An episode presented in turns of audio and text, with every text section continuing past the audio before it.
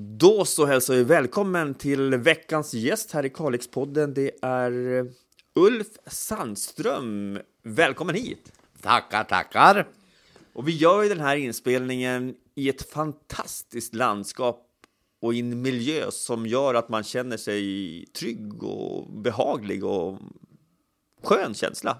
Ja, men det gör man ju med, anledning att det är ju Sveriges vackraste by man får leva i. Och det är få förunnat. Ja, vi befinner oss alltså här i, jag höll på att säga Morjärv när jag kom hit, men du rättar mig på två sekunder. Yes, det heter ju Över Morjärv. Och det är så vackert här. Ja, och alla säger att det är jättevackert och utnämnt till Sveriges vackraste by en gång i tiden. Vi ska prata mycket om det du gör här och nu, det vill säga ditt företag. Vi ska prata om din uppväxt som faktiskt bara var ett par meter ifrån den plats vi sitter här. Eh, vi ska prata om din eh, verksamma tid i Luleå. Men vi ska också prata om ditt enorma engagemang som du har i många olika frågor. Vi ska prata om Flaka Sand också. Men vart kommer det här engagemanget ifrån? Åh, oh, Ja, det måste ju bero lite grann på barndomen och kanske när jag startade företaget och blev, kände att jag blev ännu mer kreativ. Innan var jag ju lärare då. Men nu blev jag mer kreativ och hittade på mycket andra saker och engagerade mig i föreningslivet. Vi ska ta in de intrycken här så småningom. Men barndomen, hur var den? Eh, både och, må jag sagt. Men, men eh, det var ju hårda bud. Vi hade jordbruk. Man fick ju vara med i alla sysslor som rörde jordbruket. Ibland grät man när kompisarna får och bada. Och, men så här i efterhand så har jag en enorm glädje att det blev så, för jag har fått lära mig så enormt mycket. Men det kan ju också vara tufft, tänkte jag, att kanske kompisarna drog iväg någonstans medan du var ja, tvungen är väl ett starkt ord, men, men uh, man ville gärna att du skulle hjälpa till där hemma. Jo, alltså nog var det så, men då fick man ju mer och mer ansvar. Man fick börja köra traktor tidigt, man fick eh, ta hand om vissa sysslor, man fick mjölka korna när man var 14 år och var ju stolt att man klarade det. Och det fick man ju lära sig mycket av. Skolgången, hur var den? Var du, var du en sån där som gillade skolan? Eh, Ja, skolan, skolan. Ja, men nog var den bra. Vi startade ju här i Övermorjärv. Då fanns ju den skolan kvar. Och sexan, då fick vi flytta till Morjärv och då drog de in den skolan och då flyttade vi till Töre och där gick vi högstadiet. Okej, så det var tre olika byar som, som din grundskola bestod av? Ja, tre byar kan man säga det. Ja. Sedan valde ju du att fortsätta fortsätta din eh, verksamma tid inom skolan? För du är ju lärare i grunden. Ja, det var ganska tidigt jag bestämde mig för att, ja, säkert när jag var 15-16 år, när man skulle börja fundera på efter nian, vad ska man göra? Och det har jag alltid haft att jag vill bli slöjdlärare. Och eh, jag jobbade ett tag då som byggnadssnickare och så sökte jag in på lärarhögskolan i Linköping och kom in där och gick där och utbildade mig. Vad minns du av den tiden? För du var ju inte lastgammal direkt. Det var faktiskt en jobbig tid att gå skola i Linköping. För att det här är en riktigt rolig historia. Det, jag var ju ensam från Norrbotten. Eh, vi spelade in lektionerna. Och så skulle alla klasser och parallellklasser lyssna på de här lektionerna och och bedöma hur man uppförde sig och så vidare. Och jag upplevde ju då att de skrattade när de hörde mig. Men de sa ju att det var inte så att du har sån härlig dialekt. Men jag fick faktiskt komplex för det och hade det i rätt många år. Tyckte att men gud vad bondig jag lät. Man då jämförde man lyssnade på de andra lektionerna. Ja, det var ju som ja, sörlänningar bara tyckte ja, men det, det lät ju bra. Men ja då, nej, fy fan. Påverkar det dig också? Då påverkar det mig ganska mycket faktiskt. Hur kunde det ge sig i uttryck? Ja, jag vet inte, alltså jag skämdes lite. Alltså var det offentligt så, så drog jag mig för att, för att prata. Alltså, jag har hämningar mot, mot uh, dialekten. Det, det låter ju som stundtals att det kan, kunde bli, rätt tufft då? För jag menar, du, du är rätt, rätt social människa och Jo. frispråkig. Jo, jo, men där blev jag lite hämmad och, och det tog några år innan jag kunde släppa det där. Helt otroligt att man, men det var så. Efter skolan, vart bar kosan då någonstans?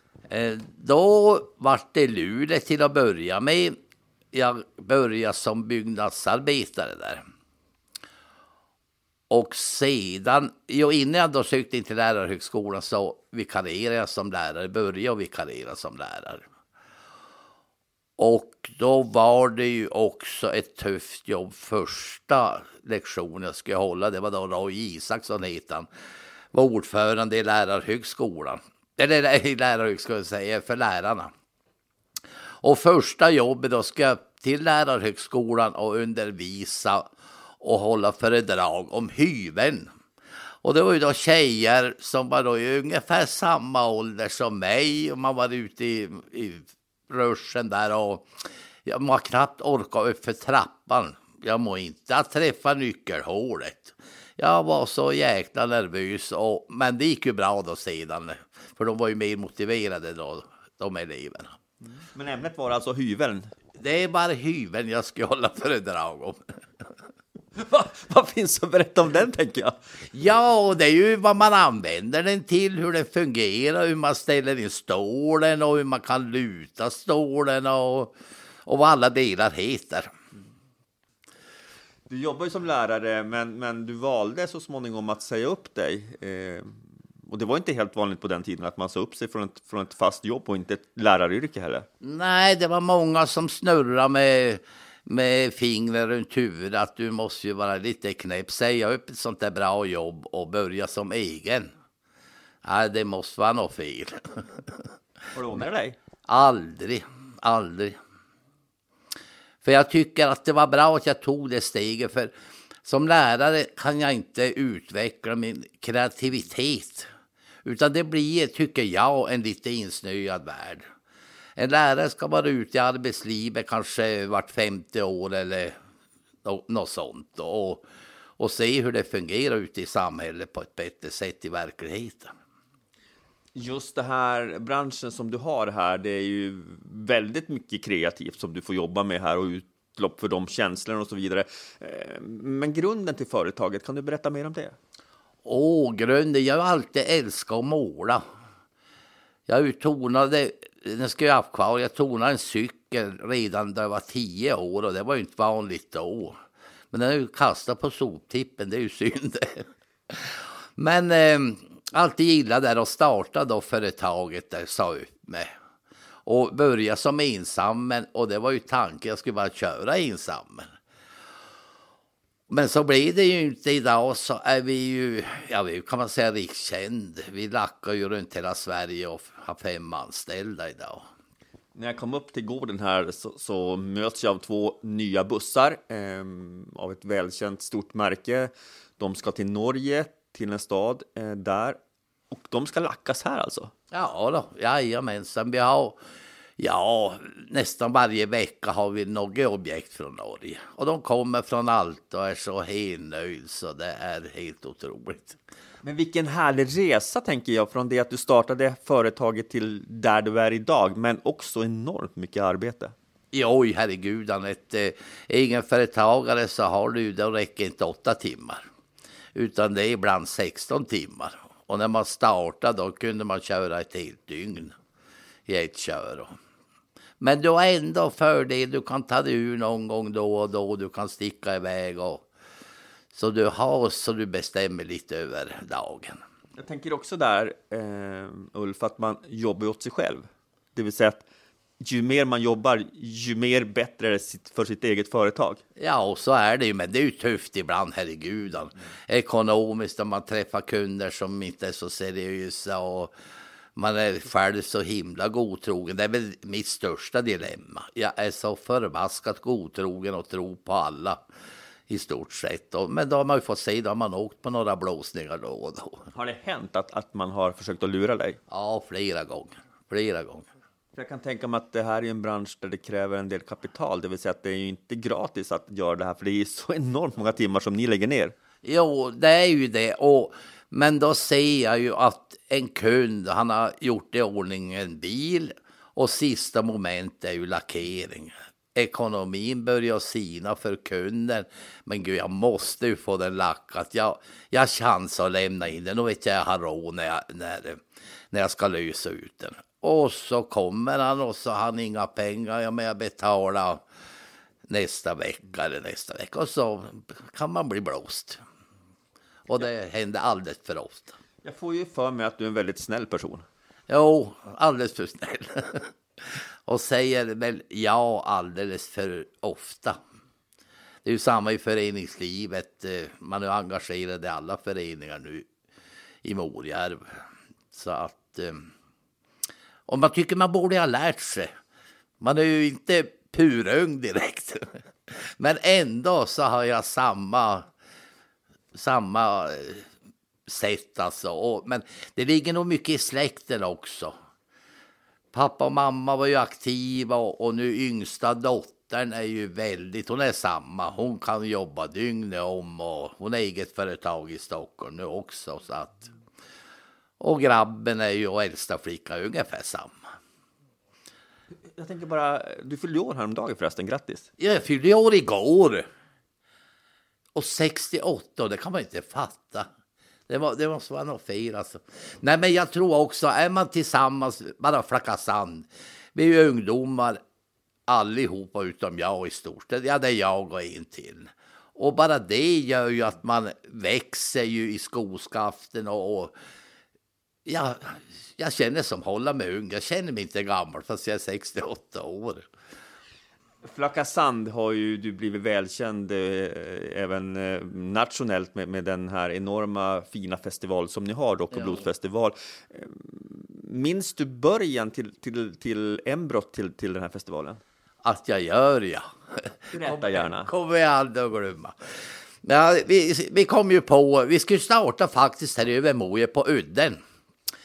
Men då byborna, nej, nej, nej, det blir ju fylla och det, de gör inbrott och ska det sig, det, det går inte. Och det var ju samma där äh, att de menar på, du är ju inte riktigt klok alltså, du måste ju, det måste ju vara något fel i huvudet. Och jag, jag slängde det där då på hyllan och så fick jag då Pelle med mig, Per Holmqvist. Och vi startade ju då, fick ihop en, en styrelse och körde ju då Flacka Sand första året. Och, nej, 90, 91. Nej, 90 tror jag det var. Och då kommer jag ihåg, alltså vilken, jag sov ju inte sista dygnet, jag tänkte vad har vi gett oss in i? Men grupperna ställde ju upp och var ju, var ju billig första året. Och, och så jag en annan grej där, när vi skulle söka eh, utskänkningstillstånd. Och, för det var ju via Länsstyrelsen då. Och jag berättade vad vi skulle göra. Nej men lugna ner dig, nu får du väl ge dig ett beachparty. Glöm det, glöm det. Och så slängde hon på luren. Så jag får ju ner då till henne, begjorde en träff med henne och får prata med henne öga mot öga. Och till slut så gav hon med sig då. Så då var ju det grönt. Och vi hade ju mat och så här och det var ju grönt. Det, det gick ju igenom allt. Och bussar ordnade vi, de sponsrade två bussbolag. Och ja, det var ju nervöst dagarna före. Och så första bussen som kom, då hade vi insläppet på festivalområdet. En person. Ja, det här går ju åt helvete. Och så nästa buss, fyra personer.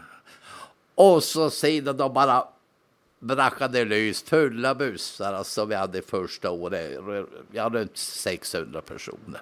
500-600. Så då var jag glad. Då sov jag gott den natten. Men jag kan tänka mig att det var många sömnlösa nätter som du nämner, men också en del risker i att göra, dra igång en sån här festival. För att dra igång en festival mitt ute i, ja, mitt ute, men stå, i Borse. Ja, men lite grann så är det ju. Ja, För det nej. finns ju varken elström eller någonting där. Nej. Idén är ju fantastisk, men, men samtidigt är den ju också lite vågad. Ja, visst var den ju vågad alltså och det märkte man ju på sig själv och vi som då var där och som skötte om allt att det var lite kämpigt. Men det gick ju vägen. Vi sitter här i ditt ut, uterhus, utrum här, uterum här Eh, och det regnar rätt friskt när vi gör den här intervjun. Men visst är det så att ditt föräldrahus är här? Jajamensan, det är granne här med mitt hus som jag renoverade då för 40 år sedan, en Norrbottensgård. Och den är från 1700-talet. Så jag är ganska stolt. Jag var mycket här inne då mormor och morfar levde och kunde sova över och få en sockerbit med Hoffmans droppar. Det glömmer man aldrig. och lax från källan som eh, var gravad. Men, men att verka och bo här då? För du gör ju det. Du har ju företaget även på, på gården här, på din hemgård. Hur är det? Det måste ju vara mycket känslor också. Ja, alltså i början var det jättebra för då hade vi ju små barn och det fanns alltid någon hemma. Men då sedan blev det ju en enorm belastning. Man fick som aldrig vara fri. Och genom att jag då fick kontakt och kunder alltså som var företagare, lastbilsåkare, bussbolag. så kunde ju då folk ringa en fredag eller lördag. Man skulle ju sätta sig och äta middag.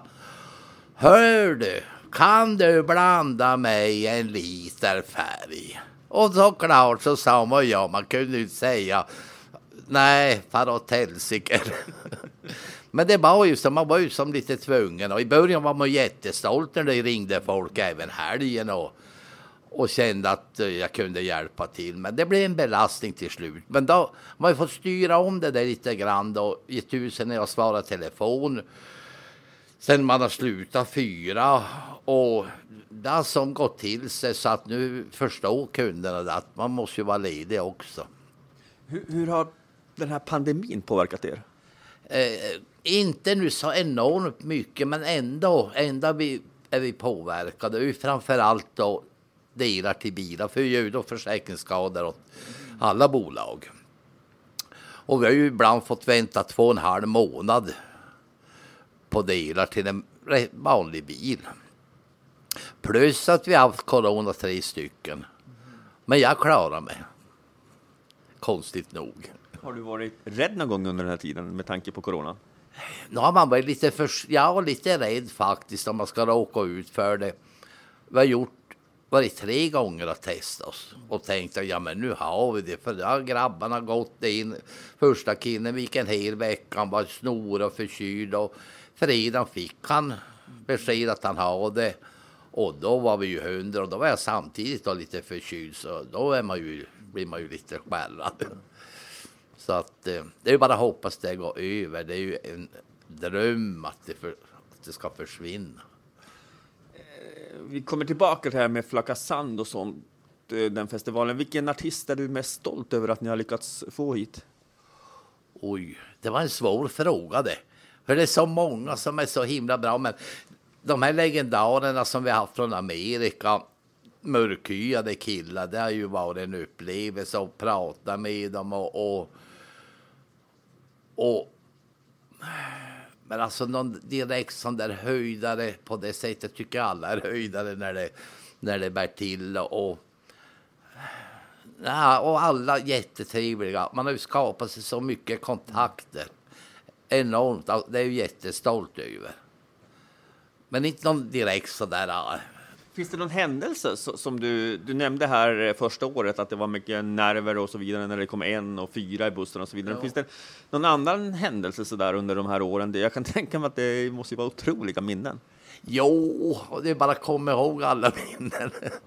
Det är inte så himla lätt, men, men ja, vad ska jag säga? Du kan få suga på den lite grann. Ja. Eh, många ställer sig nog frågan, vad händer nu med, med Flacka Sand? Ja, alltså jag tror ju att det blir nästa år. Försvinner det här nu pandemin så tror jag att vi, att vi kör igång. Men däremot så kommer jag att ta det mer lugnt.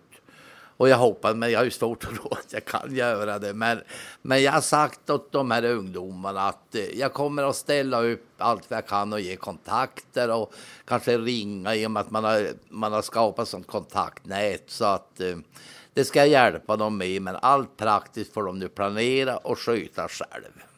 Kommer du att kunna hålla det, tror du, för dig själv? För jag vet att du är ju så oerhört engagerad och vill så gärna hjälpa till. Ja, nej, jag tror jag kommer ha svårt för det. Det blir nog min död.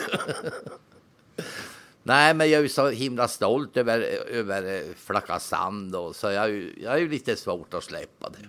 Så är det ju. Och med all rätt också, för det blir ju någonting som man har byggt upp och har blivit en så succé vill man ju också ska fortsätta bli den här Ja. succén. Ja, precis. Det man vill ju att det ska fortsätta och, och vara det. Och jag tror ju att släpper det här nu så kommer det bli ett enormt sug. Det tror jag. För det är så många som mejlar och smsar och hur tror ni det blir nästa år och bara för i år frågar de. Och, men det, vi har ju som det är nu. Jag tänker också, du, du har ju lyckats väldigt bra med att få hit eh, stora artister, riktigt stora artister till en relativt liten plats. Jag tror också att det beror på att du är den du är. Jo, faktiskt så måste jag nog erkänna att det är så när man säger så här i efterhand. Ja, det tror jag. Det tror jag. Och väldigt accepterad och har bra kontakt med alla. Och, och ja, jag tror det är säkert en bidragande orsak. Och det överhuvudtaget med allt, alltså entreprenörer som ska eh, kopplas in för det här. Och, ja, jag tror det. Du har ju så många olika engagemang. Vi har ju nämnt allt ifrån eh, olika föreningar. Nu senast är det ju affären som, som du också har ett stort hjärta i. Jo, absolut, verkligen. Och där har ju då flugit mycket tid. Så man får åka från företaget och så engagera sig i butiken. Och det är mycket, det är jobbigt att starta om en affär. Det är ju verkligen, vi är inte i fas ännu kan man säga. Och nu bygger vi om alla kylar och bidrag har vi fått. Jag tycker det är, det är ju jättebra Länsstyrelsen där de går in nu med resurser. Och, ja, det är ju EU-pengar och så det är ju tur det, eller skulle liksom ingen affär överleva. Men, men vad gör du då när du ändå försöker koppla av? För varje människa behöver ju på något vis återhämta sig och skapa energi. På vilket sätt gör du det? Ja, det är ju fler. Jag kan ta husbilen och åka ut för att fiska. Det är ju jätteavkopplande. Eh, men eljest kan det vara lite svårt och det är väl det som är ett litet problem och sliter på kroppen. Det är just det där att man ibland har för mycket i huvudet. Oj, det är det och nu måste jag göra det, så göra det. Och så glömmer man då någon del. Och då blir det en jobbig situation. Fasiken. Åh, det där måste jag göra. Ja. Så det är ju lite nackdel. Men du gillar väl att resa annars? va? Ja, älskar att resa. Verkligen. Husbilen, det är ju sån avkoppling så enormt. Utomlands kan vi inte åka idag så få semestra på hemmabanan. Men visst har du varit utomlands ett par gånger? Ja, ja, jo då, flera gånger. Jag vet att jag har ringt någon gång innan pandemin här och då har du berättat att du var på väg till någon, ja det var ju en otroligt häftig resa. Det är säkert en av flera. Jo, jo. Vilken kan det ha Jag tror det varit? var någon tä- motortävling eller någonting. Ja, ja, men det åker vi varje år. Det är ju väldigt avkopplande. Då har vi, åker vi antingen Tyskland, eh, eh, Rumänien har vi varit, Lettland, eh, Italien. Ja, alltså det är många, många länder som vi har varit och besökt och tittat på rallycross, Formel 1 och så vidare. För, det, för motorintresset är ju stort i ditt hjärta. Ja, jajamensan. Jättestor. Jag tänkte faktiskt börja köra själv. Nu eller? Nu! Så, okej. Ja, bilen stående Ja, men- där uppe, en racebil. Ja, vi såg den. Jag tänkte Jo, wow, jo, allvarligt jo. talat. Tänkte du ja, testa? Ja, och det var meningen i fjol då vi skulle köra och, och träna och det. Men då kom ju den här pandemin och så det blev ju stängt allt i stort sett. Och, och i år har vi inte hunnit, men det har, det har funnits träningstillfällen. Men tävlingar är ju väldigt sparsamt också. Så. Så vi får väl hoppas, men man blir äldre och äldre, du hinner med nu. Ja, men samtidigt gäller det väl att göra det som är kul också. Här Jo, nu. herregud, det är ju det som är viktigt i livet. Har jag möjlighet, många säger men är du inte vuxen än om man säger att man ska åka iväg med motorcykel eller ja, köra racebil. Ja, men är du inte riktigt klok? Du är ju 67 år. Då får du ju lugna ner. Men alltså man lever ju upp, man träffar folk socialt och race inom racing. Jag har ju kört racing tidigare. Och jag menar, man blir ju som en familj allihop. Alltså det blir en enorm sammanhållning blir det. Och trevligt på kvällarna då. Innan nästa dags tävlingar då. Du nämnde tidigare här att du gillar att måla och det ser vi ju inte minst då i alla dessa bilar som är lackerade här. Men, men jag ser också en hel del tavlor här. Är det möjligtvis du som har? Nej, faktiskt är det inte det, utan det är nog barnbarn. Jo, det är barnbarn. Jag har ingen egen tavla. De har jag skänkt bort som priser, men jag har sagt alla jag målar. Har du ingen kvar? Nej, men det är också en liten dröm. Och det har jag sagt nu i tre, fyra år. Det börjar att, eller att jag ska koppla av. De får skjuta sig där inne. Men det är svårt också att släppa. Det är ju det. För jag vill ju sitta och kunna i harmoni måla en tavla, airbrusha till exempel. Och då var det meningen att jag skulle åka till Italien faktiskt i fjol. Nej, till eh, Spanien. Vi har tillgång där till ett hus som vi får låna. Och då tänkte jag ta med mig alla airbrushgrejer, måla färger och allting. Och så var det en månad bara att sitta och måla och, och mojsa. Men det, vi har inte lyckats än, vi får se.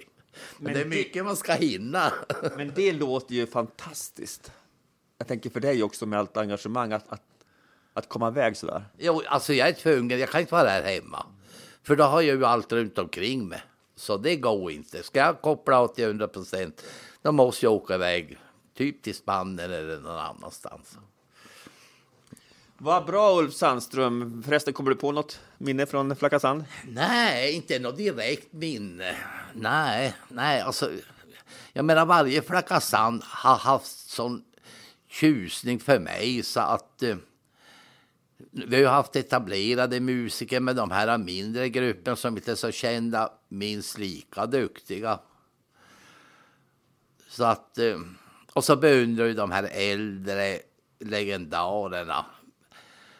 Jag menar bara en kille som hade ju så dåligt på namn. Men eh, han var ju från Amerika då och, och känd. Och han stapplade ju in på scenen och så hade han en flaska, en Jack Daniels. Och så sätter han sig på en stol och så drar han iväg en riktig rockig låt och så stoppar han helt plötsligt. It's time for a, for a Jack Daniels. Och så tog han sig en klunk och så fortsatte han. Det tyckte jag var en härlig kille. Ulf Sandström, tack för att du gästade Kalixpodden. Ja, tackar, tackar.